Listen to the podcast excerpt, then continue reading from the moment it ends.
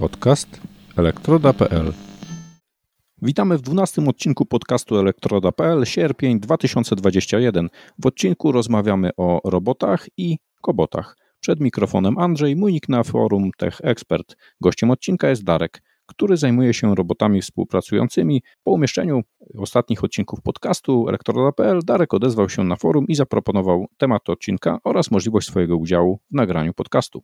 Witaj Darku. Dzień dobry, ja nazywam się Darek Goliński i zajmuję się robotyzacją, kobotyzacją. Jestem szefem działu w dużej firmie, no i tym się specjalizuję od ładnych parunastu lat. Koboty, roboty współpracujące. Czym różnią się koboty od robotów, jakie najczęściej kojarzymy, czyli na przykład roboty spawalnicze na taśmie produkcyjnej samochodów, mm, czyli sporych rozmiarów ramię wyposażone w osprzęt, zakończone na przykład urządzeniami spawalniczymi na wydzielonym stanowisku. Tak, no trzeba to sobie dosyć dobrze wyjaśnić i określić, czym się różnią, co to są koboty i czym się różnią od robotów, bo nie każdy sobie z tego staje sprawę. Kobot jest robotem i nie istnieje specjalna odmiana urządzeń, które są kobotami. Prawie każdy robot może być kobotem, prawie, ale każdy kobot jest robotem. Tak naprawdę chodzi o funkcjonalność.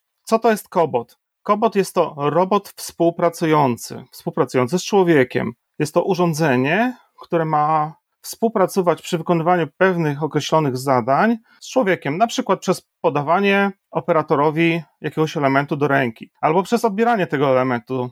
Trzeba sobie uzmysłowić, kiedy robot jest kobotem. Jeżeli norma, która opisuje pracę kobota, mówi, że kobot współpracujący nie może zrobić krzywdy. Co to oznacza? Oznacza, że siła, którą on może wywierać na kończyny człowieka czy na ciało ludzkie nie może przekroczyć 65 newtonów, a prędkość jego poruszania się w punkcie TCP nie może przekroczyć 250 mm na sekundę. Co to jest punkt TCP? Punkt TCP jest to punkt chwytu, czyli miejsce, w którym robot coś trzyma. Jeżeli ten element będzie się zbliżał z prędkością mniejszą niż 250 mm na sekundę oraz nie będzie w stanie realnie wywołać większego nacisku na ciało ludzkie niż te 65 N, możemy go uznać za kobota, ale nie do końca. Dlaczego? Dlatego, że każdy robot na końcu tak zwanej kiści, czyli tej, tego ostatniego elementu robota, ma zamontowane jakieś narzędzie i to narzędzie też łapie jakieś rzeczy, jakieś elementy. Jeżeli to narzędzie będzie ostre, narzędzie, które będzie w stanie uszkodzić e, skórę, spowodować jakieś straty w zdrowiu ludzkim, to też nie możemy go uznać za kobota. On oczywiście może, możemy powiedzieć, że jest to kobot. Natomiast przy każdej implementacji takiego robota w pracy z człowiekiem należy dokonać analizy ryzyka. To jest bardzo, bardzo istotne i nie zawsze udaje się to poprawnie zrobić. Więc no to jest dosyć trudne, ale w, tak, w skrócie to kobot to robot, który został tak zainstalowany, aby spełnić wymagania norm, które, które to określają, oraz w taki sposób, aby nie spowodować krzywdy człowiekowi. Mhm. Dla mnie y, robot współpracujący, kobot, to coś nowego, o ile właśnie robot, czyli takie najczęściej ramię o wielu stopniach swobody, no, jest czymś powszechnie znanym, to tutaj zainteresowało mnie to 65 newtonów. To wydaje się bardzo mała siła. Czy to ogranicza możliwości takiego robota? Czy też... Tak, tak. Aha. Mm, no niestety ta siła, która jest w ten sposób określona, ogranicza. Istnieje coś takiego, taki parametr, który y, nazywa się payload. Co to oznacza? To jest masa, którą maksymalnie kobot może przemieszczać. Robot, przepraszam, robot, używajmy tego określenia. Robot może przemieszczać. Wiedząc, że musimy ograniczyć tą siłę nacisku na ciało ludzkie do 65 newtonów, która jest wartością dosyć małą, też musimy pamiętać, i wiedząc o tym, że musimy coś dźwignąć, coś podnieść, ten payload musi być no, stosunkowo niewielki, żeby zapanować nad tymi parametrami. Natomiast są różne sposoby, są różne czujniki, są różne metody na to, żeby jednak ten payload był odpowiednio wysoki, ale robot był bezpieczny. Mhm. Czyli na przykład taki kobot idealnie sprawdziłby się w przemyśle precyzyjnym, gdzie instalowałby jakieś drobne elementy, lekkie, być może też w przemyśle spożywczym, gdzie mógłby wspomagać osoby przygotowujące posiłki, ale już na przykład taki robot, który pomagałby wymieniać, a na przykład koła w samochodzie, no ciężko by było te parametry e, zachować tego bezpieczeństwa. Tak, tak, no taki e, robot byłby dosyć, miałby dosyć duże problemy do spełnienia warunków pracy dla kobota. Aczkolwiek koboty również stosuje się w przemyśle. Tak jak już wspomniałeś, w przemyśle produkcji elementów precyzyjnych, ale również w większych e, jakichś zakładach. Jak to mogłoby się odbywać? Są sytuacje, w której jakiś element musi być obrabiany w, w, maszynie, ale wcześniej ten element musi zostać podany przez człowieka. Powiedzmy, nie wiem, człowiek wyjmuje z poprzedniego procesu jakąś część, jakiś wałek, jakiś trybik, nie wiem, cokolwiek, a następnie musi to przekazać do maszyny, która dalej będzie obrabiana. Zakładamy, że ta maszyna jest niebezpieczna, tam występują niekorzystne warunki środowiskowe, wysoka temperatura, niebezpieczne chemikalia, jakieś siostre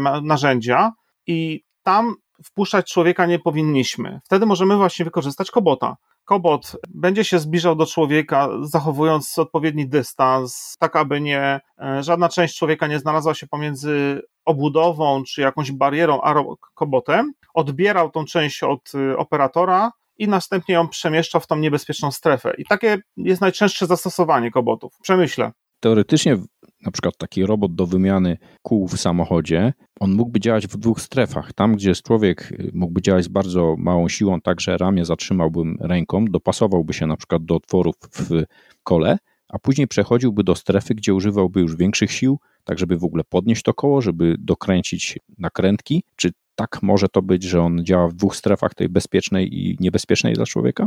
E, tak, tak. Tak też można to stosować. Specjalną, istnieją specjalne sposoby, triki programowe, gdzie przełącza się w trakcie pracy e, tego robota e, w tryb pracy kobot-robot, natomiast zawsze należy dokonać analizy ryzyka. Zawsze należy pamiętać o tym, że gdy robot musi się przełączyć w tryb pracy robota, gdzie musi zwiększyć tą siłę, to nie możemy w żaden sposób stworzyć zagrożenia dla człowieka. Czyli w przypadku powiedzmy przykręcenia tego koła, on musi użyć znacznych sił. I w tym momencie taki człowiek powinien się wycofać. I do tego też służą specjalne czujniki, które montuje się w otoczeniu robota, aby zapewnić super bezpieczną pracę, żeby robot mógł się przełączyć, w znaczy kobot mógł się przełączyć w tryb robota y, po upewnieniu się, że tam człowieka już nie ma. Roboty najczęściej kojarzą się właśnie z takimi ramionami, które wykonują jakieś zadania, coś podają, wykonują jakieś czynności. Podejrzewam, że większość osób kojarzy Boston Dynamic, czyli takie platformy mobilne, które przemieszczają się, mogą też mieć na sobie takie e, ramiona o większej ilości stopni swobody. Czy taka platforma mobilna, można ją nazwać robotem, czy może stać się robotem współpracującym? Każda maszyna, która może wykonywać więcej niż jedno zadanie, które możemy w łatwy sposób przezbrajać i, i przekonstruowywać, możemy teoretycznie nazwać robotem. No, no to, co akurat produkuje Boston Dynamics, jest to takim troszeczkę fanem rynkowym. Oczywiście oni opracowują super y, technologie napędów, opracowują super technologię czujników, sensoryki pełnej, e, utrzymywania równowagi. Robią świetną robotę, ale jest to show. Przede wszystkim jest to show. Roboty przemysłowe e, to jest troszeczkę coś innego. To, to nie są żadne humanoidalne maszyny, tylko to są, to są urządzenia, które służą do wykonywania pewnych czynności, ale nie zawsze też musimy myśleć o, o robotach jak o tych maszynach, które często oglądamy w programach telewizyjnych, czy, czy kiedyś, kiedy naszych dwóch wspaniałych fachowców z programu Sonda przedstawiało bezludne fabryki, e, ramiona, które spawiają, e, które coś tam składają i to są jakieś takie wieloprzegubowe elementy, ponieważ robotów tak naprawdę na świecie, odmian robotów jest bardzo, bardzo wiele. Czym one się różnią? No pierwszą podstawową grupą robotów to są te roboty z wieloma napędami, wieloprzegubowe. Po prostu nazywa się je robotami przegubowymi o 5, 6, 11 stopniach swobody. W przemyśle tak naprawdę wykorzystuje się maksymalnie 8, a najczęściej jest to 6 stopni swobody, czyli mają 6 silników w 6 różnych pozycjach potrafią pracować. Natomiast istnieją całe rzesze wszelkiego rodzaju innych robotów. E, są roboty kartezjańskie, czyli takie, e, można powiedzieć, maszyny CNC postawione w pionie, tak? Do czego się je wykorzystuje? Takie roboty się wykorzystuje najczęściej przy urządzeniach wtryskowych, kiedy są maszyny, gdzie jest forma, ten forma się otwiera i trzeba wyjąć element z takiej formy. E, nie może tam wpuścić człowieka, bo forma jest gorąca, e, strefa jest niebezpieczna, istnieją opary. Wtedy wykorzystuje się roboty kartezjańskie, które po prostu wjeżdżają nad formę, zabierają ten element, wyjeżdżają, kładą na jakiś e, przenośnik, powtarzając sobie ten cykl. Są e, roboty cylindryczne, czyli są to roboty, które mm, mają tak naprawdę dwa stopnie swobody. To jest taki, taka bardzo prosta maszyna, jest to ramię, które zamocowane jest do jakiejś ruchomej osi, i ona się tylko wokół tej osi obraca. Tam są tak naprawdę dwa napędy bodajże wykorzystywane. Są roboty typu Delta. Są to takie dosyć fajne roboty, które potrafią pracować bardzo, bardzo szybko. Są to roboty zbudowane w ten sposób, że mamy trzy napędy w postaci zamontowane na wierzchołkach trójkąta. Od tych napędów sprowadzone są trzy ramiona w jeden centralny punkt chwytu punktu TCP te roboty najczęściej wykorzystuje się do sortowania na przykład leków na taśmach e, w fabrykach, e, fabrykach leków, czy, na, czy w przenoszeniu cukierku w fabrykach cukier sortowania tak, tych, tych, tych elementów. One są bardzo szybkie. Niestety wadą tych robotów jest to, że mają bardzo mały payload mogą podnosić bardzo małe ciężary, ale za to są bardzo, bardzo szybkie. E, następną jakąś e, taką, takim rodzajem robotów są roboty typu Skara. Jest to rozwinięcie e, robotów typu Delta, tylko że roboty Skara są również bardzo, bardzo szybkie. Najczęściej mają trzy maksymalnie cztery osie, cztery silniki, cztery osie swobody, są bardzo, bardzo szybkie i muszą, mogą podnosić dużo większe ciężary. Są troszeczkę droższe, ale też y, mają, y, no są troszeczkę wolniejsze od y, robotów typu, typu Delta. I jest cała, cała masa wszelkiego rodzaju różnych rozwiązań. W ostatnim okresie pojawiły się bardzo ciekawe urządzenia, które są nazywane robotami i są to maszyny podobne do powszechnie znanych wózków AGV, wózków transportowych. I na czym polega różnica? Dlaczego mm, określa się je e, robotami? E, różnica polega na sposobie ich programowania. O ile taki typowy wózek AGV musi posiadać znaczniki zamontowane w podłodze, czy to w postaci pastylek RFID, czy torów magnetycznych, czy namalowanych linii, o tyle roboty, te platformy jeżdżące, robotyczne platformy jeżdżące, takich rzeczy nie potrzebują. Tam na pokładzie znajduje się AI, moduł z systemem operacyjnym, najczęściej Linux, zainstalowanym systemem sztucznej inteligencji, z kamerami typu Kinect i Uczenie polega na przejeździe takiego robota przez miejsce, gdzie, w której strefie on ma pracować i pokazywaniu mu, gdzie są stacje. I później praca tego, tego robota polega na tym, aby się z nim połączyć i powiedzieć mu: jedź do stacji numer 5. I on rozpoznając obraz wokół siebie, po prostu tam pojedzie. Oczywiście, jeśli będzie miał jakąś przeszkodę, postara się ją ominąć, zrobić to bezpiecznie. Najczęściej na platformie takiego, e, takiej platformy jeżdżącej takiego robota znajduje się też takie bardzo uproszczone ramię robotyczne z jedną bądź z dwoma osiołami swobody, które, które pomaga mu pojechać na stację numer 5, złapać wagonik czy jakiś ruchomy podest i zabrać go ze sobą do następnej stacji, do której zostanie przywołany. Jest to taka nowinka technologiczna, natomiast to nie jest science fiction. Takie systemy już istnieją. Miałem okazję spotkać takie, takie systemy firmy MIR, Mobile Industry Robot. To naprawdę bardzo fajnie działa i jest coraz częściej stosowane w polskich fabrykach. Nie jest to tania technologia, ale coraz powszechniej stosowana i, i to też jest robot. Bardzo rozszerzyłeś moje postrzeganie urządzeń, które klasyfikujemy jako roboty, czy też roboty współpracujące. Platforma jest na, no właśnie, szczególnie taka inteligentna, która y, może wykonać zadanie przewiezienia ładunku w określone miejsce. Na pewno wspomoże działanie zarówno fabryki, jak i magazynu, czy też sklepu. Skoro platforma jezdna, to być może w przyszłości dron, ale Także wspominałeś o maszynach CNC, które kojarzyły się raczej z no, taką skomputeryzowaną tokarką. Jeżeli tam pojawia się y, magazyn narzędziowy, podajnik, to również możemy takie urządzenie nazwać robotem. Patrząc dalej, magazyny automatyczne, na przykład w TME, w Amazonie, wprawdzie tak, jest urządzenie, tak, to które roboty. zajmuje, to jest robot zajmujący cały budynek, ale jest to, można zakwalifikować jako robot. Tak, tak. No jeżeli urządzenie może e, mieć ileś stopni swobody i może wykonywać wiele zadań różniących się od siebie, i to jest tylko program, to tak, możemy to nazwać robotem. Jaki osprzęt możemy znaleźć y, zamontowany do robotów? Myślę, że już tutaj wspominaliśmy o spawaniu, na pewno jakieś wkrętarki, jakieś przyssawki. Co jeszcze może znajdować się na końcu mm, takiego ramienia robota? No wszystko to, co, co sobie wymyślimy tak naprawdę.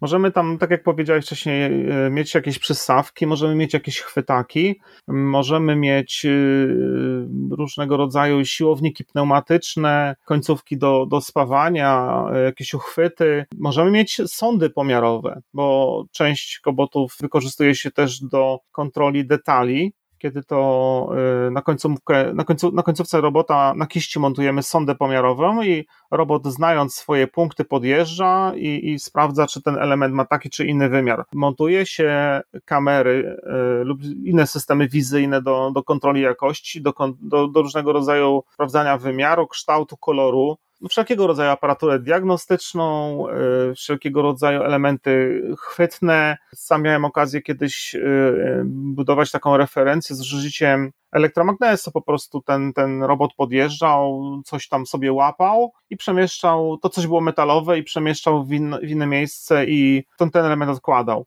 Ja w swojej pracy bardzo często wykorzystuję siłowniki pneumatyczne i wszelkiego rodzaju chwytaki, które sami tworzymy na drukarkach 3D. No, technologia druku 3D jest po prostu fantastyczna i bardzo nieoceniona, i gdyby nie ta technologia, prawdopodobnie implementacja takiego robota trwałaby dużo, dużo dłużej i byłaby bardzo mocno y, utrudniona.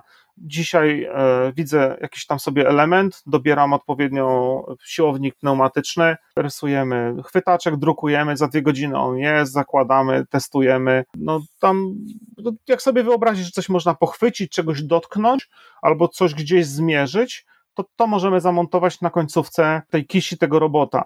Są specjalne czujniki, jest taka firma, która się zajmuje sensoryką opt, y, optyczną i na, na kiści robota jest taka specjalna przelotka i na końcu tej przelotki można zamontować na przykład pistolet do nakładania pianki poliuretanowej, czy jakiejś żywicy, czy jakiejkolwiek innej takiej substancji, którą musisz nałożyć na elementy, które mają, nie są proste, mają różnego rodzaju dołki, górki, są wygięte. I ta końcówka umożliwia nam bardzo prosty sposób programowania takiego robota. Po prostu łapiemy za końcówkę tą implementującą te, te związki chemiczne i pociągając ręką, ten robot idzie za nami, on się w ten sposób uczy. I w pewnym momencie kończymy proces, informujemy program, zakończyłem i on będzie bardzo wiernie odtwarzał te ruchy.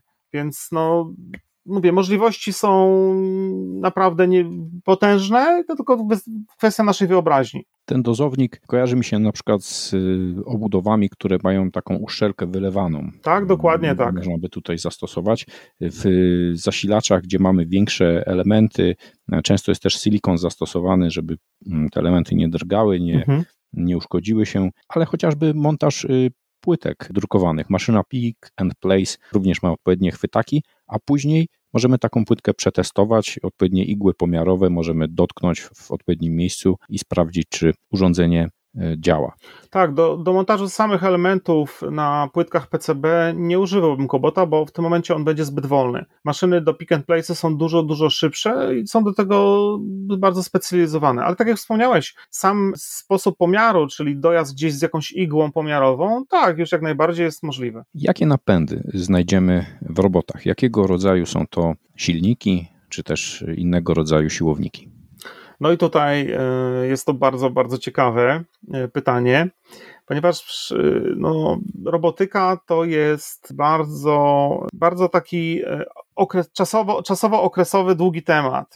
Pierwsze roboty to są lata bodajże 60 pierwsze jakieś tam konstrukcje, natomiast nawet miałem kiedyś znajomego, który pracował w polskiej fabryce kinoskopów w Polkolorze i tam też mieli już roboty. Też już roboty pracowały. Natomiast co do napędów, wiadomo, że przez ten okres, y, kiedy, kiedy minął, kiedy ta technologia się rozwija, te napędy się także, także zmieniały i powstawały przeróżne konstrukcje. E, powszechnym stosowanie, stosowanym napędem y, we wszystkiego rodzaju robotach są to silniki, serwonapędy. Dużo firm wykorzystuje albo standardowe, albo specjalnie dla nich projektowane serwonapędy, które z albo bezpośrednio z użyciem e, przekładni przenoszą moment na ramiona, albo z użyciem pasków, różnego rodzaju przekładni. Bardzo fajne rozwiązanie ma firma Kuka, która potrafi zamontować na jednym ramieniu trzy silniki i połączyć je specjalną osią, paskami e, i to bardzo fajnie i precyzyjnie działa. Taką innowacją ostatnich lat jest firma Universal Robotics, która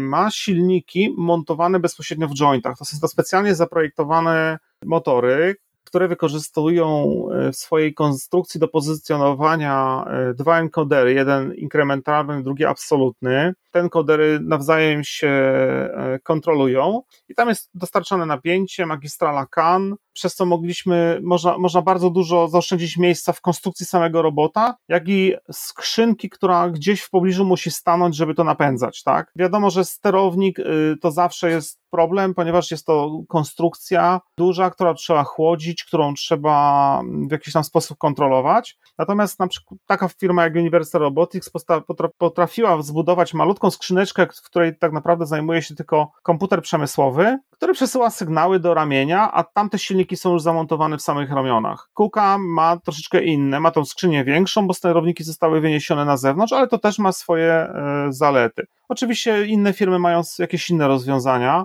E, miałem e, okazję spotkać się z rozwiązaniem firmy Festo. Festa przez wielu automatyków e, czy osób zajmujących się utrzymaniem ruchu w zakładach jest kojarzona z firmą specjalizującą się w rozwiązaniach sterowania powietrzem. Jakież było moje zdziwienie, jak widziałem, widziałem robota, który w sobie ma silniki pneumatyczne. I to działa, naprawdę to działa. Ta kontrola jest naprawdę, może nie są super hiperprecyzyjne, natomiast y, w większości zastosowań w przemyśle te roboty funkcjonują i, i oni na, na początku teraz jeszcze je rozwijają, ale już są potencjalne jakieś pomysły na ich zastosowanie i, i się zaczynają sprawdzać, tak? Więc to nie tylko elektryka, ale też i pneumatyka. Oczywiście są jeszcze specjalne, bardzo specjalne konstrukcje, które też możemy zaliczyć do konstrukcji robotycznych, napędy hydrauliczne, czyli z użyciem oleju napędowego. Ale to są bardzo specyficzne konstrukcje, duże, tam gdzie trzeba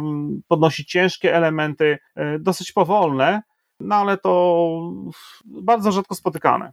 Wspólnym elementem dla tych napędów, jaki zauważyłem, to właśnie to jest serwomotor, czyli mamy jakiś napęd, na końcu mhm. mamy encoder, czyli dostarczamy tej siły i kontrolujemy położenie elementu, którym steruje ten napęd. W takich małych maszynkach CNC to mogą być nawet silniki krokowe, ale przy większej y, sile co to będzie? Czy to będą silniki BLDC, czy silniki szczotkowe DC? No bo wiem, że tak jak tutaj wspomniałeś, może być to też hydraulika i silniki pneumatyczne dla tych dużych sił. A przy tych średnich, jaki to będzie rodzaj silnika elektrycznego? No przy, jeśli chodzi o silniki szczotkowe, e, to nie będziemy stosować takich silników w robocie. Dlaczego? Pierwszy powód, to szybkie zużywanie się. Robot wykonuje bardzo dużo cykli w trakcie swojej pracy i te szczotki ulegałyby zbyt częstym awariom, wycieraniu się, niszczeniu, a często gęsto taki robot pracuje nieprzerwanie 2, 3, 4 lata. On musi pracować, tak? On nie może się w żaden sposób gdzieś tam psuć, blokować, no bo to też inwestycja nie jest zbyt mała. Więc będą to najczęściej silniki, tak jak w przypadku Universal Robotics są silniki BLDC, jakieś inne rozwiązania oparte o silniki krokowe i użyciem specjalnych przekładni. W firmie akurat Universal Robotics zastosowano bardzo ciekawe rozwiązanie, gdzie silnik BLDC napędza specjalny rodzaj przekładni, która się nazywa Harmonic Drive. Przyznam szczerze, że kiedy, kiedy po raz pierwszy spotkałem się z tą przekładnią, chciałem tam smarę jakieś wymienić w łożysko, to mówię, kurczę, no, przekładnia, która ma krzywe łożysko.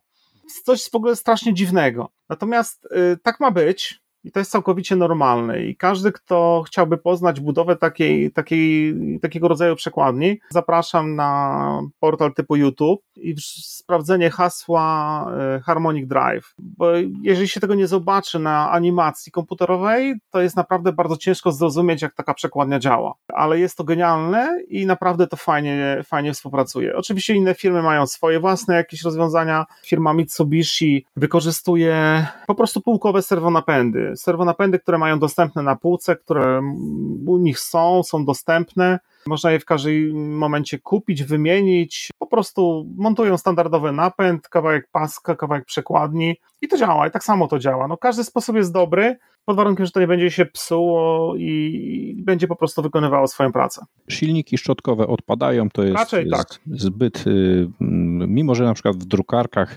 znajdowały zastosowanie, ale tutaj ilość cykli w drukarce jest y, nieporównywalna, nie mniejsza niż w takim robocie. No tak, w drukarce z reguły zajmowały się przesuwaniem papieru te silniki, no bo sama, sama karetka to już był silnik krokowy. krokowy Chociaż chyba też był szczotkowy, już nie pamiętam. Natomiast yy, no tutaj niestety. Dokładnym encoderem, z tego co pamiętam, z takim bardzo dokładnym encoderem i tak, pewnie tak, tak, był jakiś specjalny, tak, optycznym i jakieś mechanizmy hamowania, kontroli położenia. A jeszcze zastanawiam się w przypadku takich platform, gdzie na przykład obracamy jakąś dużą masą, czy stare silniki indukcyjne plus falownik i kontrola położenia znalazłyby zastosowanie? Mm, I tak i nie to wszystko zależy od, od jak, w jaką ta platformie, platformie miałaby się poruszać.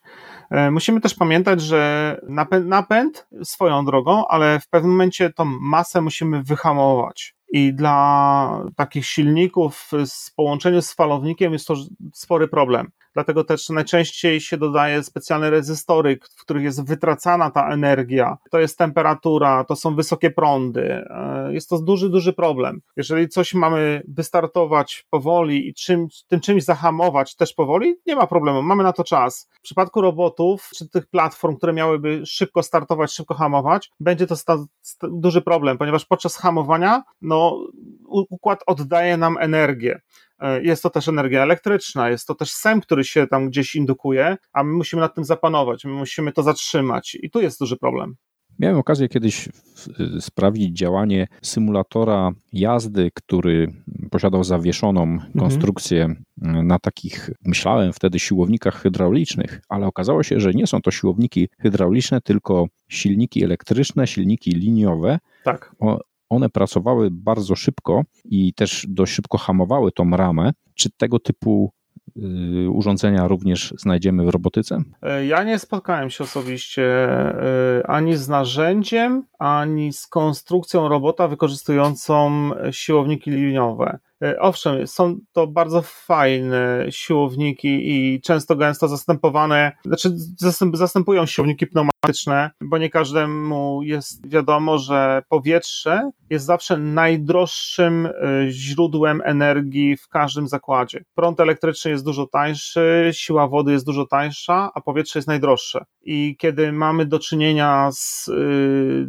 maszyną dosyć mocno skomplikowaną, wymagającą, wymagającą dużej ilości elementów ruchomych, to bardziej się opłaca wykorzystać y, siłowniki liniowe niż y, siłowniki pneumatyczne. Natomiast w robotyce, ja powiem szczerze, nie spotkałem się z taką konstrukcją. Nigdy nie było to jakoś rozpatrowywane, dlatego że po prostu istnieją dużo prostsze rzeczy do implementacji i, i dużo tańsze i szybsze niż takie siłownik liniowy. E, siłownik liniowy zastosujemy tam, gdzie nie mamy dostępu do źródła powietrza, nie mamy kompresora, nie mamy stacji przygotowania powietrza te, z tego kompresora i w miejscach, gdzie możemy sobie na to pozwolić. W przypadku robota dochodzi nam dodatkowe sterowanie, no bo to też jest sterownik, sam siłownik niewiele co, co potrafi. No jest to dużo, idziemy w dużą komplikację takiego rozwiązania. Spotkałem się z, sił, silnik, z siłownikami, może nie tyle co z siłownikami, co z napędami liniowymi w maszynach do produkcji okien PCV. I tam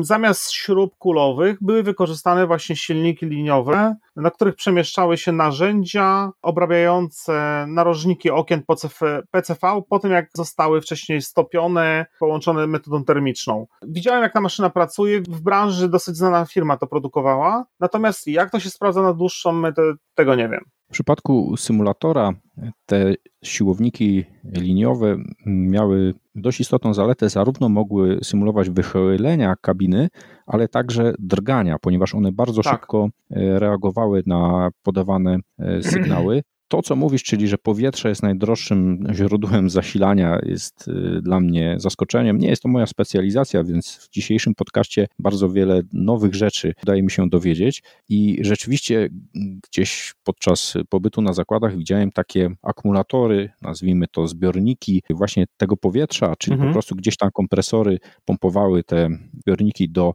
odpowiedniego poziomu i wtedy korzystały z tego y, urządzenia podłączone do, do takiego zbiornika powietrza skompresowanego. Natomiast tak. dla mnie zaskoczeniem było coś takiego, co nazywało się akumulatorem próżni. Była to trawersa na takich przyssawkach i mhm. E, tutaj odwrotnie z pojemnika było, ze zbiornika było odpompowane powietrze, no i gdy ta trawersa złapała na przykład jakieś tam e, blachy, no to ona musiała zapewniać to, że nawet gdyby urządzenie uszkodziło się, zabrakło e, zasilania, to ten, nazwijmy to akumulator tej próżni powodował, że ta blacha nie spadała, tylko przez pewien czas e, jeszcze znajdowała się na e, trawersie. Tak, dokładnie. Wiem o czym mówisz. Dlaczego powietrze jest najdroższym źródłem energii na zakładzie? No bo żeby skompresować to powietrze, musimy je używać do tego sprężarki. W zakładach przemysłowych jest to najczęściej sprężarka tak zwana śrubowa. I tutaj już na dzień dobry mamy dosyć istotny problem, ponieważ ona pobiera dosyć duże prądu. prądu. Najczęściej tam są silniki rzędu 50 kW, 70 kW, no to są potężne konstrukcje. I jedyne zadanie tych urządzeń to jest sprężać powietrze, powietrze atmosferyczne, które teoretycznie mamy za darmo, no ale ktoś tą sprężarkę musi zasilić, tak? To są potężne moce. Następnie takie powietrze, kiedy my już sprężymy, to musimy też o tym wiedzieć, że sprężając powietrze, czyli e, tlen, azot, to sprężamy też wodę wody się nie da ścisnąć. Ta woda się podczas sprężania znajduje w tym sprężonym powietrzu, więc musimy to powietrze całe, już sprężone, przekazać do stacji przygotowania powietrza. Są to takie specjalne chłodnie, które przepuszczając powietrze przez tam wężowniczki i różnego rodzaju elementy, doprowadzają do sytuacji, że ta woda się wykrapla, ona się wymraża z powietrza. Następnie to powietrze musimy przesłać dalej i zgromadzić w jakimś buforze, tak jak mówiłeś, potężnych takich zbiornikach. po co się stosuje takie zbiorniki? Ano po to, w momencie, kiedy pracują maszyny jakieś przemysłowe na zakładzie i potrzeba szybko jakiejś reakcji, jakiegoś siłowniczka, jakiegoś chwytaczka, jakiegoś innego elementu, to gdybyśmy tylko używali samej sprężarki, to ona nie będzie w stanie nam zapewnić szybkiej reakcji kiedy w potężnym zbiorniku mamy zapewnioną odpowiednią objętość tego powietrza, to my bez tej, tego częstego załączania i wyłączania się sprężarki możemy dysponować tym powietrzem do naszych jakichś tam szybkich operacji. Próżnia też jest dosyć ciekawym, no i niejako też kosztownym elementem, bo żeby wytworzyć taką próżnię, to albo używa się bardzo drogich pomp próżniowych z takimi specjalnymi łopatkami, albo zwężek Venturiego, czasami nazywanych ejektorami, do które, które, żeby napędzić, trzeba powietrza. To jest dziwne, ale tak jest. Po prostu dostarczając powietrze, przepychając przez specjalną konstrukcję zwaną zwężką Venturiego, wytwarzamy podciśnienie, czyli próżnię im więcej przekształceń energii, tym większe straty, Dokładnie tym większe tak. skomplikowanie układu, czyli jednak te napędy elektryczne mają tutaj sporą zaletę. Dostarczamy energię elektryczną, y, możemy ją dość efektywnie przetwarzać i wykorzystać, kontrolować, kształtować i... i wykorzystać do napędu urządzenia. Jeżeli chodzi o napędy, już wspomniałeś, że w niektórych przypadkach kontrola takiego napędu może być zintegrowana z samym napędem, w zasadzie mhm. zasilamy go i już mamy, i już mamy na przykład magistrale CAN, czyli mamy taki connected motion, czyli taki silnik, który mm, możemy wysterować w robocie przy pomocy już interfejsu o pewnym protokole. E, tak. Zakładam, że właśnie będzie chodziło o to, żeby jak najbliżej być tą, tym sterowaniem mocą, żeby jak najmniejsze straty e, wprowadzać, czyli jeżeli nie z silnikiem, to gdzieś w konstrukcji robota będą sterowniki tych silników, no i już ze sterowników mamy wyprowadzone sygnały sterujące, a raczej doprowadzone do tych sterowników. Tak, tak. No i, teraz. oprócz tego jeszcze zwiększamy precyzję takiego robota, no bo wiadomo, jeżeli silnik będzie gdzieś na zewnątrz, nie będzie wbudowany w joincie, czyli w samym ramieniu, no to mogą się pojawić gdzieś luzy, tak, na jakimś pasku, na jakiejś przekładni, łożysku, na czymkolwiek. Możemy oczywiście tam też montować encodery i tam dbać o to bardzo fajnie, monitorować, ale no jeżeli ten silnik mamy bezpośrednio gdzieś w ramieniu, to to jednak troszeczkę lepiej, albo blisko tego elementu ruchomego, no to jednak to działa troszkę lepiej, tak? A to, to też kwestia zastosowania takiego robota, bo nie wszędzie nam jest potrzebna precyzja, na przykład do układania pustaków z dokładnością do jednej setnej milimetra, tak? Mhm. No tak, wykorzystanie i zastosowania i wymagania, jakie stawiamy. Jaki jest y, trend? Czy przemysł 4.0 i możemy rozproszyć to sterowanie, mamy odległe i wysyłamy i pobieramy sygnały w jednym punkcie, czy też może z chmury, czy bardziej jednak idziemy w kierunku urządzenia sterującego blisko robota, połączonego niezawodnie i lokalizacja tego urządzenia jest blisko robota, czy też nie ma to znaczenia, może być to centralne sterowanie całą fabryką.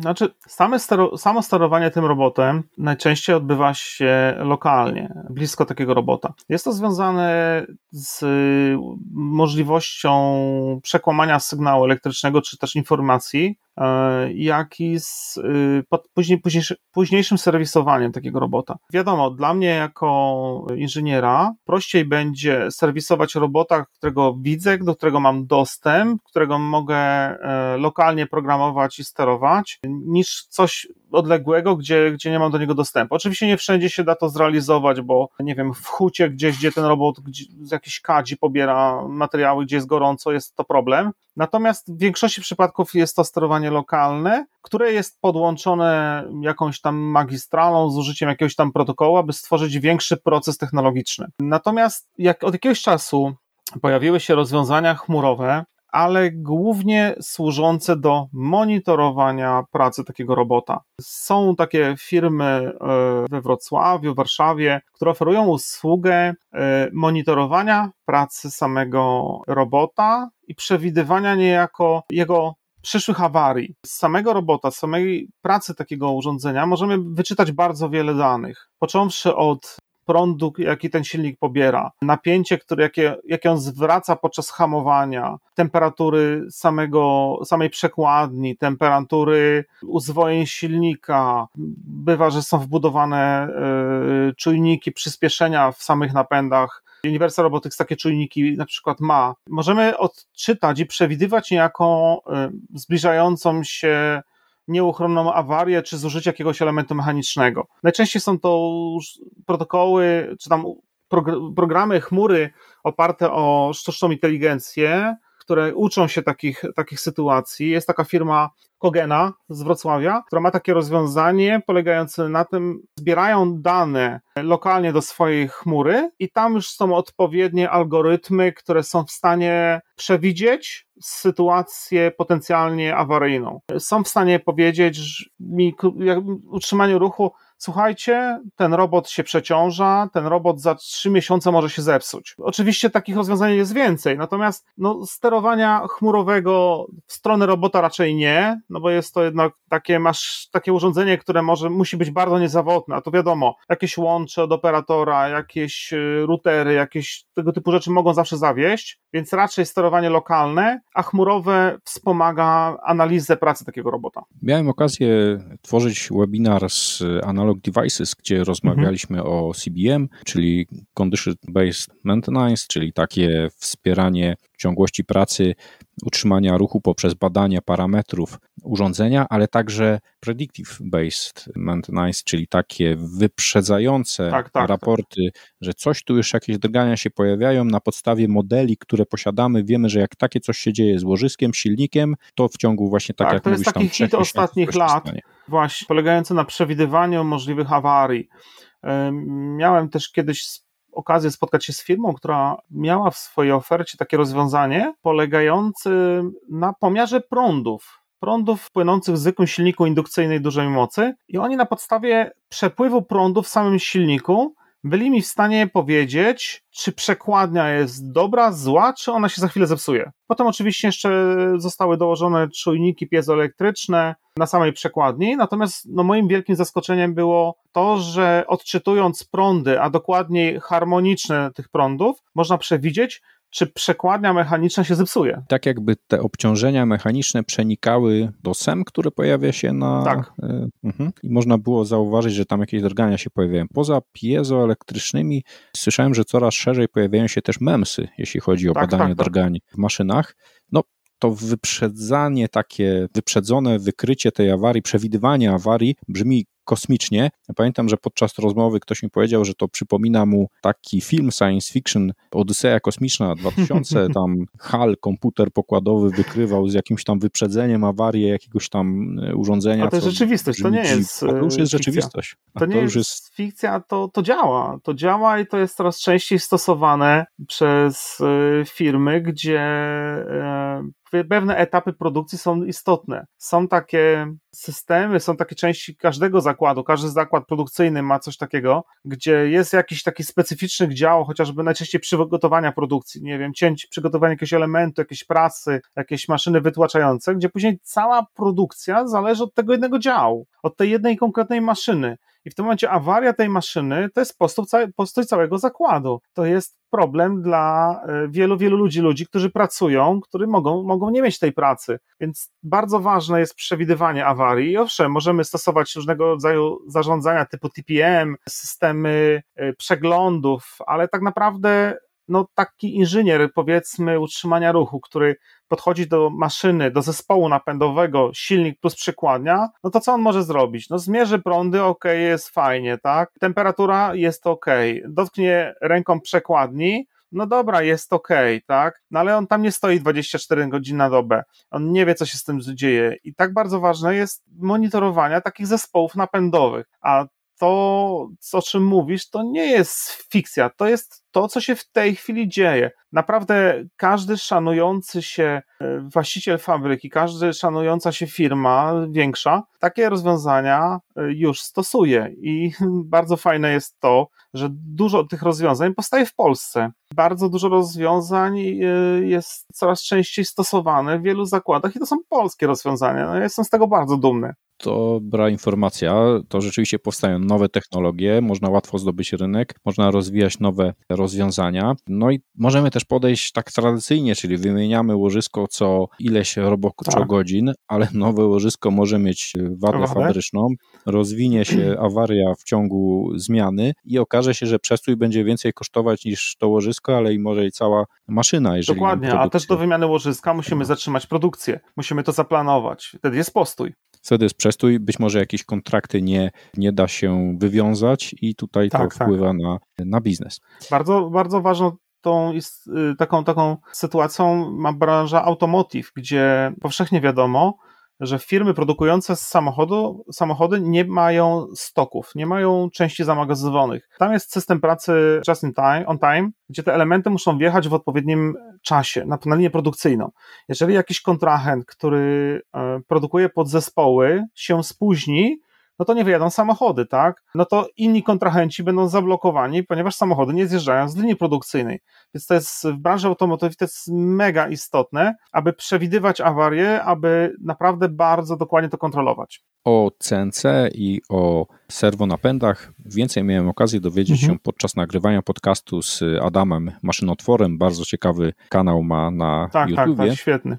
I tam się dowiedziałem o tym, że taka maszyna CNC, jeżeli wyjmiemy wałek na przykład z tokarki i włączymy program, ona nie wie o tym, czy ten wałek tam jest, czy nie. I będzie wykonywać, czy też no, jakąś kolizję być może wykryje, mhm. będzie przeciążenie na przykład w osi Z, ale jeżeli by nie było wałka, to ona będzie wykonywać w powietrzu te zaprogramowane ruchy. A w przypadku robota, jakie czujniki możemy wykorzystać, żeby ten element, no jednak CNC to jest takie bardzo kontrolowane środowisko. My wiemy, gdzie ten materiał jest, gdzie on się kończy, a taki robot działa w przestrzeni. Jakie czujniki możemy zastosować, żeby robot y, mógł wchodzić w interakcję z otoczeniem, żeby mógł się dopasować? Tak, no czujników w automatyce przemysłowej, y, co tym idzie przy robotach, jest bardzo, bardzo wiele. Natomiast no, taką chyba najbardziej popularną metodą są to czujniki i systemy wizyjne. Wizyjne.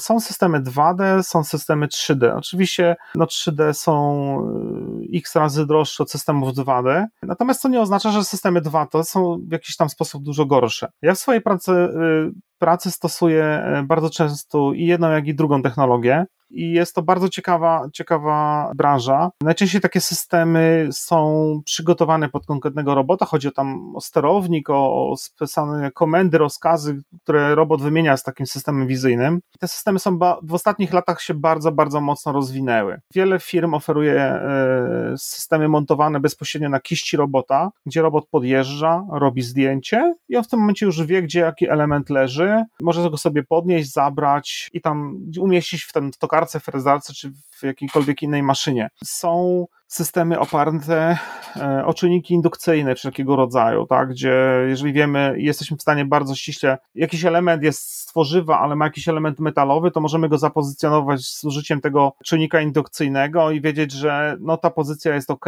bo, bo jest tak, a nie inaczej. Są czujniki laserowe wszelkiego rodzaju, które mogą nam mierzyć odległość. Też robot może się e, orientować w przestrzeni z użyciem takich czujników. Firma Keyence wprowadziła niedawno do sprzedaży taki super system złożony z e, czterech kamer ułożonych w kształcie krzyża z projektorem LED umieszczonym centralnie. I kiedy robot jedzie na pozycję, to ten projektor LED wyświetla kratkę na tych wszystkich elementach, które są na przykład w koszyku, a te cztery kamery, które są przesunięte na krańce krzyża i one są pod odpowiednim kątem pochylone, powodują, tworzą mapę w pamięci robota, tak aby ten elementy mógł właściwie podnosić. Ale to nie tylko firma Keynes, to są naprawdę wiele, wiele innych bardzo ciekawych rozwiązań z użyciem systemów wizyjnych. Czyli ten robot prawie jak człowiek ma takie tak. widzenie stereoskopowe, widzi głębie. Tak, tak, on widzi głębie w systemach 3D, on widzi głębie, e, rozróżnia e, pozycję położenia, często gęsto e, rozpoznaje kolor. Firma SIG nawet używa takich fajnych czujników laserowych, które tworzą mapę w pamięci e, robota, po tym jak zostało to laserem zeskanowane, tak? To prawda jest to obraz 2D, ale w większości przypadków wystarczających, ale no też super rozwiązanie. Tak jak wspominałeś, ta branża rozwija się, pojawiają się nowe firmy, także w Polsce. Jakie możemy dla osób, które wchodzą na rynek, chcą się przekwalifikować, jakie możemy wskazać zawody kierunku rozwoju właśnie w obszarze robotów i kobotów? No, przede wszystkim, jeśli chodzi o ludzi, którzy e, chcieliby się zająć, młodych ludzi, którzy chcieliby się zająć tą branżą, no to kierunek e, studiów jest myślę, że dosyć istotny. Myślę, że automatyka i robotyka to jest w tej chwili bardzo popularny kierunek, który wstępnie przygotuje takiego młodego człowieka do, do wejścia w tą branżę, w, w robotykę, w programowanie. E, na tą chwilę ta technologia się bardzo mocno rozwija. Naprawdę w przeciągu ostatnich, nawet rzekłbym, trzech lat, może czterech, technologia rozwinęła się języki programowania e, rozwinęły się przeogromnie. Kiedy ja zaczynałem pracę z robotami, to były to języki skryptowe. To taki coś pomiędzy Basiciem a C++, takie połączenie różnego rodzaju komend albo taki assembler, gdzie wydawało się komendy i robot po kolei te komendy wykonywał. Dzisiaj mamy systemy naprawdę zbudowane z bloczków. Program się buduje z bloczków. E, układamy kolejny bloczek za bloczkiem i te bloczki są realizowane. Technologia się bardzo mocno rozwinęła i myślę, że każdy, kto chciałby czymś takim się zajmować, to to, jest to naprawdę świetny kierunek do rozwoju. To jest to, mówię, od uczelni, która odpowiednio zasieje to ziarenko i, i tą wiedzę, a później przez kontynuację y, nauki. I to, że dzisiaj te systemy już istnieją i tworzą pewne standardy, to nie oznacza, że jutro, pojutrze czy po pojutrze one się nie zmienią. One się dzisiaj zmieniają diametralnie. Myślę, że nawet y, jestem w stanie zagwarantować, że technologie robotyczne na tą chwilę zmieniają się szybciej niż telefony komórkowe. Tutaj co rok mamy telefon komórkowy z jakimiś innymi możliwościami, ale zasadniczo za wiele się w nich nie zmienia. W robotyce w przeciągu roku to jest przepaść. To się okazuje, że ja wgrywam, wgrywam nowe oprogramowanie i pojawia się nowa funkcjonalność, albo nowy sposób programowania, bo to też jest. Każdego robota można w ogóle zaprogramować na wiele różnych sposobów, więc to jest taka przyszłość najbliższych chyba lat i no to się będzie bardzo mocno rozwijało i będzie do tego potrzeba bardzo dużo y, kadry technicznej, która, która ma szansę wejść i, i naprawdę odnieść w tym sukces. Czyli jeżeli możemy przewidywać, oczywiście czas to weryfikuje, mhm. Można spróbować dołączyć na przykład do startupów, to może być bardzo szybka droga kariery tak. i rozwoju. Y, jeżeli nawet startup no, okaże się, że nie udało się dostarczyć celu, to zdobędziemy doświadczenie. W przypadku firm IT był taki okres i on nadal istnieje, że mhm. zasysały praktycznie całe zasoby, które pojawiały się po ukończeniu y, uczelni, po to, co było na rynku, zasysali wszystko, bo po prostu potrzebowali ludzi. Tutaj mówisz o tym rozwoju, ta sama sytuacja może się pojawić. Tak, natomiast y, musimy też o tym pamiętać, że studia nie przygotują cię do zawodu.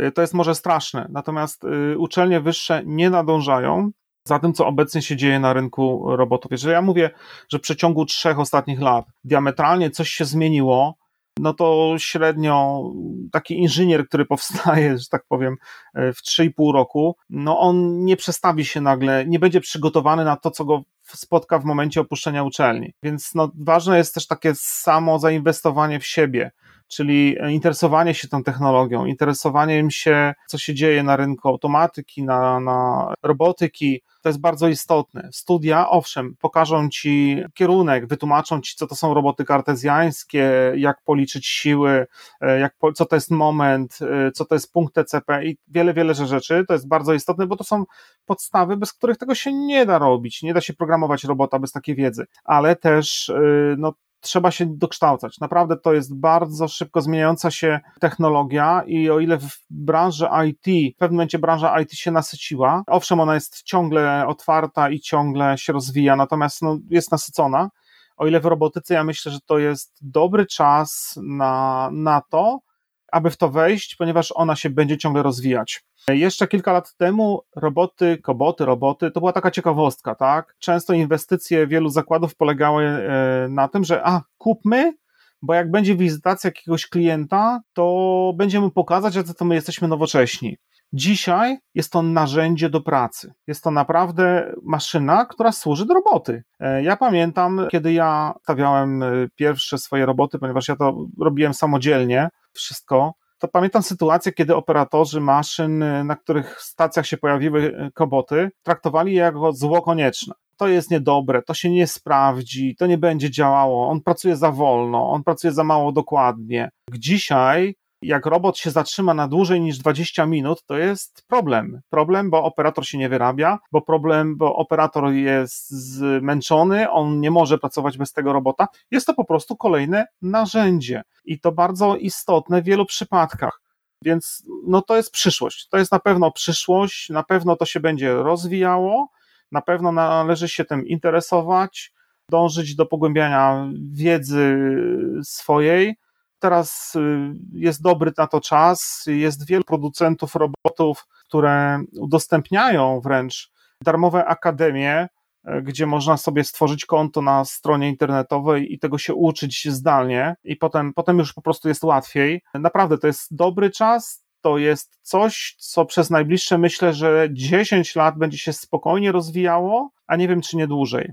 Ja pamiętam program jeden z programów Sonda, gdzie, gdzie właśnie miał taki tytuł Bezludne fabryki, gdzie mówiło się o tym, że robotyzacja spowoduje wyludnienie fabryk i powstanie bezrobocia. Ja dzisiaj, e, obserwując ten rynek, mówię, to było błędne myślenie. Dlatego, że dzięki kobotom, dzięki kobotom, też implementacją tych robotów, to nie jest tak, że fabryki są bezludne. Dzięki robotom tak naprawdę oszczędzamy ludzkie zdrowie, dbamy o ludzki komfort pracy, o bezpieczne warunki pracy, o to, że produkcja jest lepsza, jest powtarzalna, bo to też jest bardzo istotny y, warunek i czasami zarzut, że produkcja jest lepsza. To są kolejne narzędzia do pracy, do pracy z człowiekiem. To nie jest coś, co spowoduje nagle wyludnienie fabryk. Będąc studentem automatyki i robotyki, otrzymamy te informacje podstawowe. One są istotne, to są takie podstawy teoretyczne. Tak jak wspominasz, warto szukać informacji, mhm. być na bieżąco, szczególnie, że mamy bezpłatny dostęp do wielu materiałów. Do wielu materiałów. Dla mnie, poza takimi podstawami teoretycznymi, bardzo zawsze liczyła się praktyka. Jak studiując mogę dotknąć tego tematu? E, wiele uczelni e, ma na swoim wyposażeniu e, już roboty, koboty. Wielu producentów, z którymi miałem okazję się spotkać, prowadzi takie, ma taką zasadę, że inwestuje w uczelnię, wstawiając tam fizyczne urządzenia i dzięki temu potencjalnie na rynek pojawiają się inżynierowie, którzy potem mają swój głos przy wszelkiego rodzaju inwestycjach w zakładach przemysłowych. Więc y, jak najbardziej jest możliwość dotknięcia takiego, takiego sprzętu. No ale jeżeli nie ma, no trudno, tak? Można sobie zainstalować bardzo realistyczne symulatory takich urządzeń. Oczywiście one nie zastąpią wszystkiego. Natomiast no, no czegoś trzeba zacząć, tak? Ale mówię, już coraz więcej uczelni takie roboty posiada. Co prawda na dzisiaj, wiadomo, no to są inwestycje rzędu, taki najmniejszy jakiś tam robocik typowo przemysłowy, to są koszty rzędu powiedzmy, nie wiem, 20 tysięcy euro. I są to poważne koszty. Ale warto, chyba warto i te uczelnie zdają sobie z tego sprawę, że, że inwestując, no, pozyskują y, inżynierów, którzy, którzy wychodząc z takiej, opuszczając uczelnię, mają wiedzę do tego, aby rozpocząć samodzielnie pracę. Być może jako konkurencyjny element po ukończeniu uczelni będzie właśnie jakaś praktyka zdobyta mhm. w, w, swoich możliwościach. W zależności od uczelni są różne koła naukowe, czasami bardziej, czasami mniej sensowne. To zależy oczywiście od prowadzącego uczelni, ale właśnie być może tam warto pojawić się, zobaczyć, jakie tak, są ale projekty. Też istotnym elementem są programy stażowe na studiach. Ja bardzo często w swoim zespole mam e, stażystów z e, Politechniki. Powiem szczerze, bardzo często się zdarza sytuacja, w której e, stażyści są moimi pracownikami później, więc no, chcą zostać, chcą iść w, w tym kierunku, bardzo im się to podoba i to są naprawdę bardzo wartościowi pracownicy, ale trzeba chcieć. Jest to ten czas, kiedy trzeba chcieć, ale mamy też większe ramy czasowe, możemy więcej czasu przeznaczyć na swój rozwój tak, i oczywiście. warto to wykorzystać. Tak jak wspominałeś, jest coraz większe, coraz większy obszar wykorzystania robotów. Gdybyśmy mieli przewidywać, ewentualnie, czy być może spotkałeś się z jakimś zaskakującym, nowym zastosowaniem robota, na przykład dla mnie, teraz patrząc na to, to prawdopodobnie był pomysł na kobota. Mhm. Były to roboty stosowane w przemyśle spożywczym. Początkowo zabawna była dla mnie sytuacja, w której kobot ma pomóc przygotować jakieś kanapki, ale patrząc na przykład na McDonalda, takie urządzenia mogą przyspieszyć i być może ułatwić, a także zmniejszyć monotonność przygotowywania mhm. posiłków. E, wiesz co, dla mnie na obecną chwilę chyba nie ma takich dziwnych i ekstremalnych zastosowań kobota, mm, robota. E, ja już naprawdę w takich różnych sytuacjach sam je implementowałem, e, że to nie jest nic dziwnego. Natomiast jedna z moich firm współpracujących ze mną ma robota, który przygotowywuje drinki. E, jest to polska firma, która wystawia swojego robota na wszystkiego rodzaju eventach. I pamiętam sytuację, w której kiedyś tam rozmawiałem z nimi o wypożyczeniu chyba bodajże z kary i oni mówią, że no tak, tak, ale to musimy teraz z targów przywieźć tego drugiego robota, bo pojechał na targi rolnictwa. Ja mówię, a co wasz robot robi na targach rolnictwa? No, robi drinki. Ja mówię, ale jak to, nie? No, jeden z naszych tutaj kooperantów wystawiał się z jakimś tam sprzętem na targach rolnictwa i poprosił, czy moglibyśmy w jakiś sposób uatrakcyjnić jego stanowisko. No więc mówię, no dobrze, no stawmy ci takiego robota, którego mamy zbudowanego, tak? No i zbudowali tego robota, dostarczyli tego robota w piątek, no i w sobotę po południu ten właściciel tej firmy dzwoni do tej firmy e, robotycznej i mówi: Słuchajcie, panowie, jest problem. Jest bardzo poważny problem z waszym robotem. On mówi: Jaki? Skończył się alkohol. Mówi: Mamy tak oblegane stanowisko, że wszystkie stanowiska są puste, po prostu ludzie chcą zobaczyć, jak robot zrobi im drinka. I jak ten robot wygląda? Mogę sobie wybrać rodzaj y, drinka? Tak, tak. Na pulpicie ekranu mogłeś sobie wybrać rodzaj drinka. E, było ramię, które tam przejeżdżało po takim e, stole, taki rodzaj, rodzaj napędu liniowego podjeżdżał do właściwej butelki, była obok szklaneczka, on tam odpowiednio odmierzał tą ilość tego alkoholu, potem następnego, potem następnego i wydał go klientowi. Okej, okay, czyli to jest sam, sam proces przygotowania jest też interesujący, bo praca tego robota jest ciekawa. E, wiesz co, montuje się specjalne końcówki do butelek z alkoholem, gdzie po przechylaniu Aha. E, wylatuje ci tylko określona ilość alkoholu. Też się dopytywałem, jak to jest zrobione.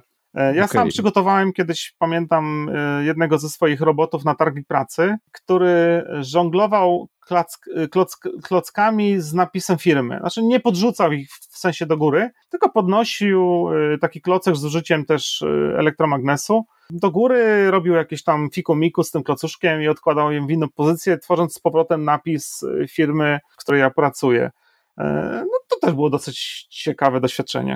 Okej, okay, jest to zawsze coś nowego, co, tak. co przyciąga uwagę. Właśnie zastanawiałem się, czy ten robot robiący drinki będzie na przykład żonglował butelkami, no ale tutaj mamy inny, Ryzykowałby. to, to już nie byłby kobot, trzeba Tak, to już nie byłby kobot. Okej. Okay.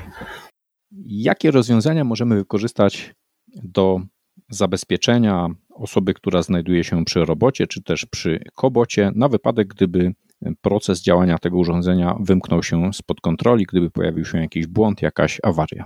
E, no więc takim pierwszym chyba e, narzucającym się bezpośrednio zabezpieczeniem jest to klatka. Klatka, która otacza strefę pracy robota, która jest skontrolowana w ten sposób, że otwarcie klatki może być wywołane dopiero po zatrzymaniu się robota. Realizuje się to w różnoraki sposób. Są specjalne zamki elektromagnetyczne z, z oczujnikowaniem. Trzeba wywołać procedurę zatrzymania, wtedy procesor robota wystawia sygnał, otwórz klatkę i tak dalej.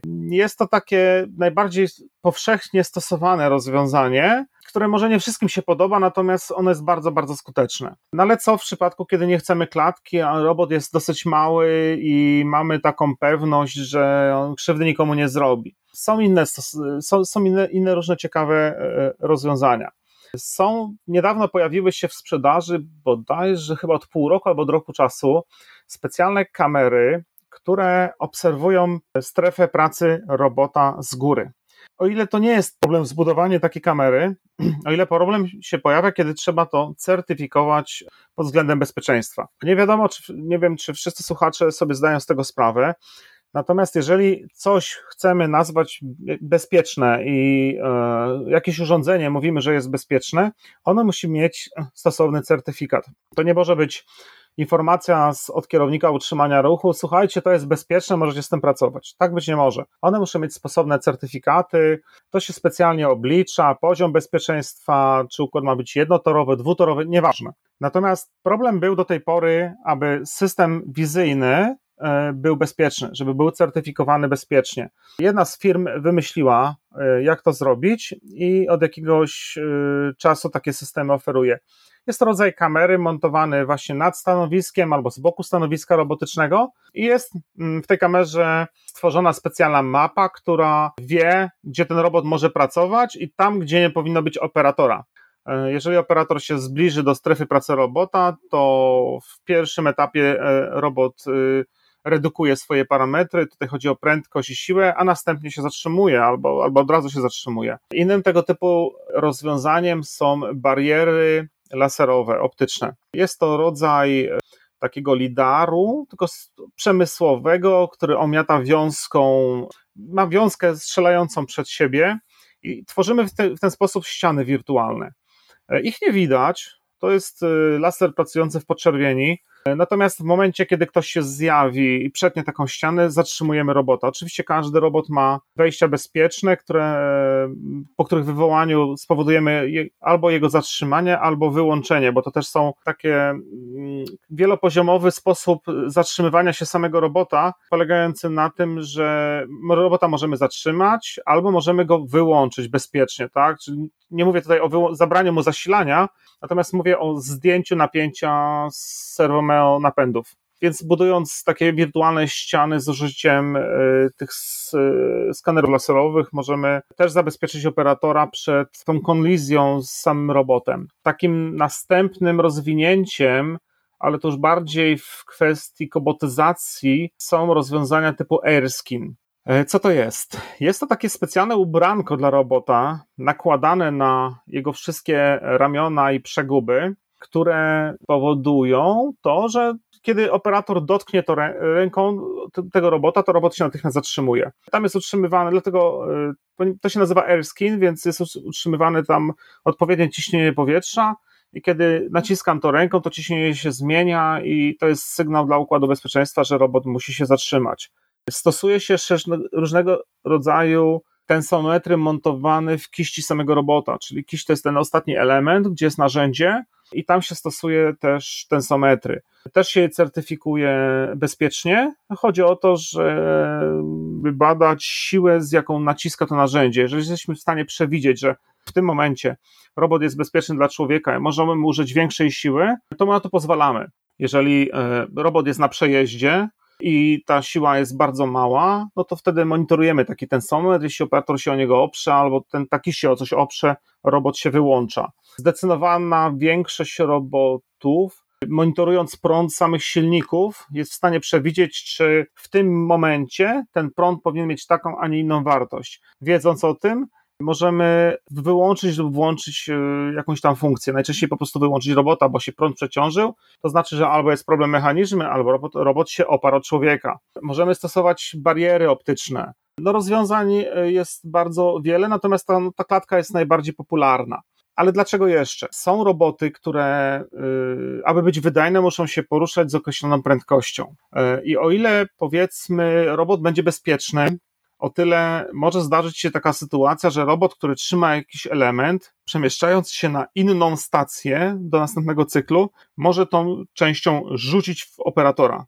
Nie to, że mu się tak chce, tylko na przykład przerwał się przewód pneumatyczny, który zasilał chwytak, który trzymał tą część. Wtedy może dojść do sytuacji, kiedy ta część e, poleci w stronę operatora i zrobi mu krzywdę. No jest to pewna pędząca energia, która potencjalnie może tam spowodować uszczerbek na zdrowiu. Dlatego te klatki są tak bardzo popularne, ale nie wszędzie potrzebne. Dlatego tak bardzo ważna jest analiza samego ryzyka i stworzenie takiej analizy i przeciwdziałaniu temu, żeby, żeby się po prostu operatorowi krzywda nie stała. W urządzeniach, które nie są e, ruchome, a pojawiają się jakieś inne zagrożenia.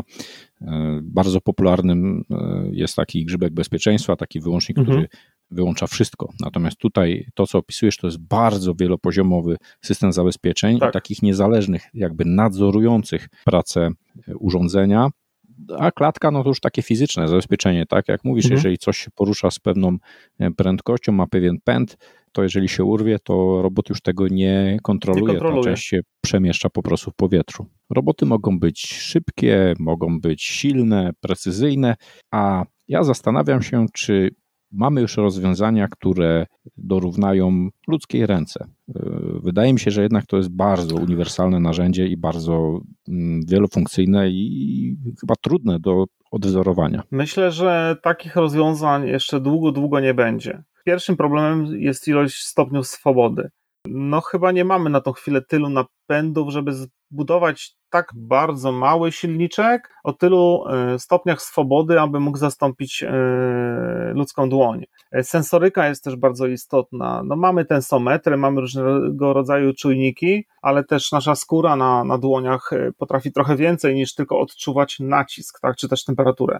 Myślę, że jeszcze to trochę potrwa. Owszem, ja już widziałem bardzo, bardzo dużo różnych rozwiązań, natomiast żeby zbliżyć się do ludzkiej dłoni, chyba nie. Owszem, istnieją jakieś takie często gęsto na pokazach pokazywane dłonie mechatroniczne podłączone do robota, ale chyba to jeszcze, gdybyśmy chcieli ściśle odwzorować, to chyba jeszcze długo, długo nie. No to jest tylko maszyna, tak? Tak jak już wspomniałem, maszyna nieukończona to od nas zależy, co ona będzie robiła, czym będzie i, i jak będzie pracowała, tak. Automatyzacja i robotyzacja kiedyś postrzegana była jako zagrożenie dla miejsc pracy. Obecnie roboty zwiększają bezpieczeństwo i komfort pracy. Zmniejszają monotonność pracy, mogą korzystnie wpływać na jakość produktu i wydajność produkcji. Podobne obawy jak automatyzacja budziła komputeryzacja, obecnie np. sztuczna inteligencja. Roboty współpracujące wydają się być wygodnym narzędziem wspomagającym naszą pracę. Tarku, dziękuję za rozmowę, wspólne nagranie podcastu, przekazanie swojej wiedzy i opowiedzenie o doświadczeniu praktycznym związanym z robotami. Ja też bardzo dziękuję za spotkanie, było bardzo interesujące. Dziękuję Tobie, dziękuję wszystkim słuchaczom e, za, za chęć odsłuchania tego podcastu. Mam nadzieję, że e, rozwialiśmy tutaj wspólnie wiele wątpliwości, wyjaśniliśmy tak naprawdę, jak to ugryźć i, i z czym to się je. I zapraszam do kontaktu, można znaleźć mnie na elektrodzie, wymienić się jakąś tam wiedzą, informacją. Jestem otwarty. Do podcastu przygotujemy także temat, gdzie będziemy mogli kontynuować e, rozmowę. Być może pojawią się jakieś pytania i dalsza wymiana doświadczeń. Dziękuję. Dzięki za wysłuchanie podcastu. Do usłyszenia. Do usłyszenia.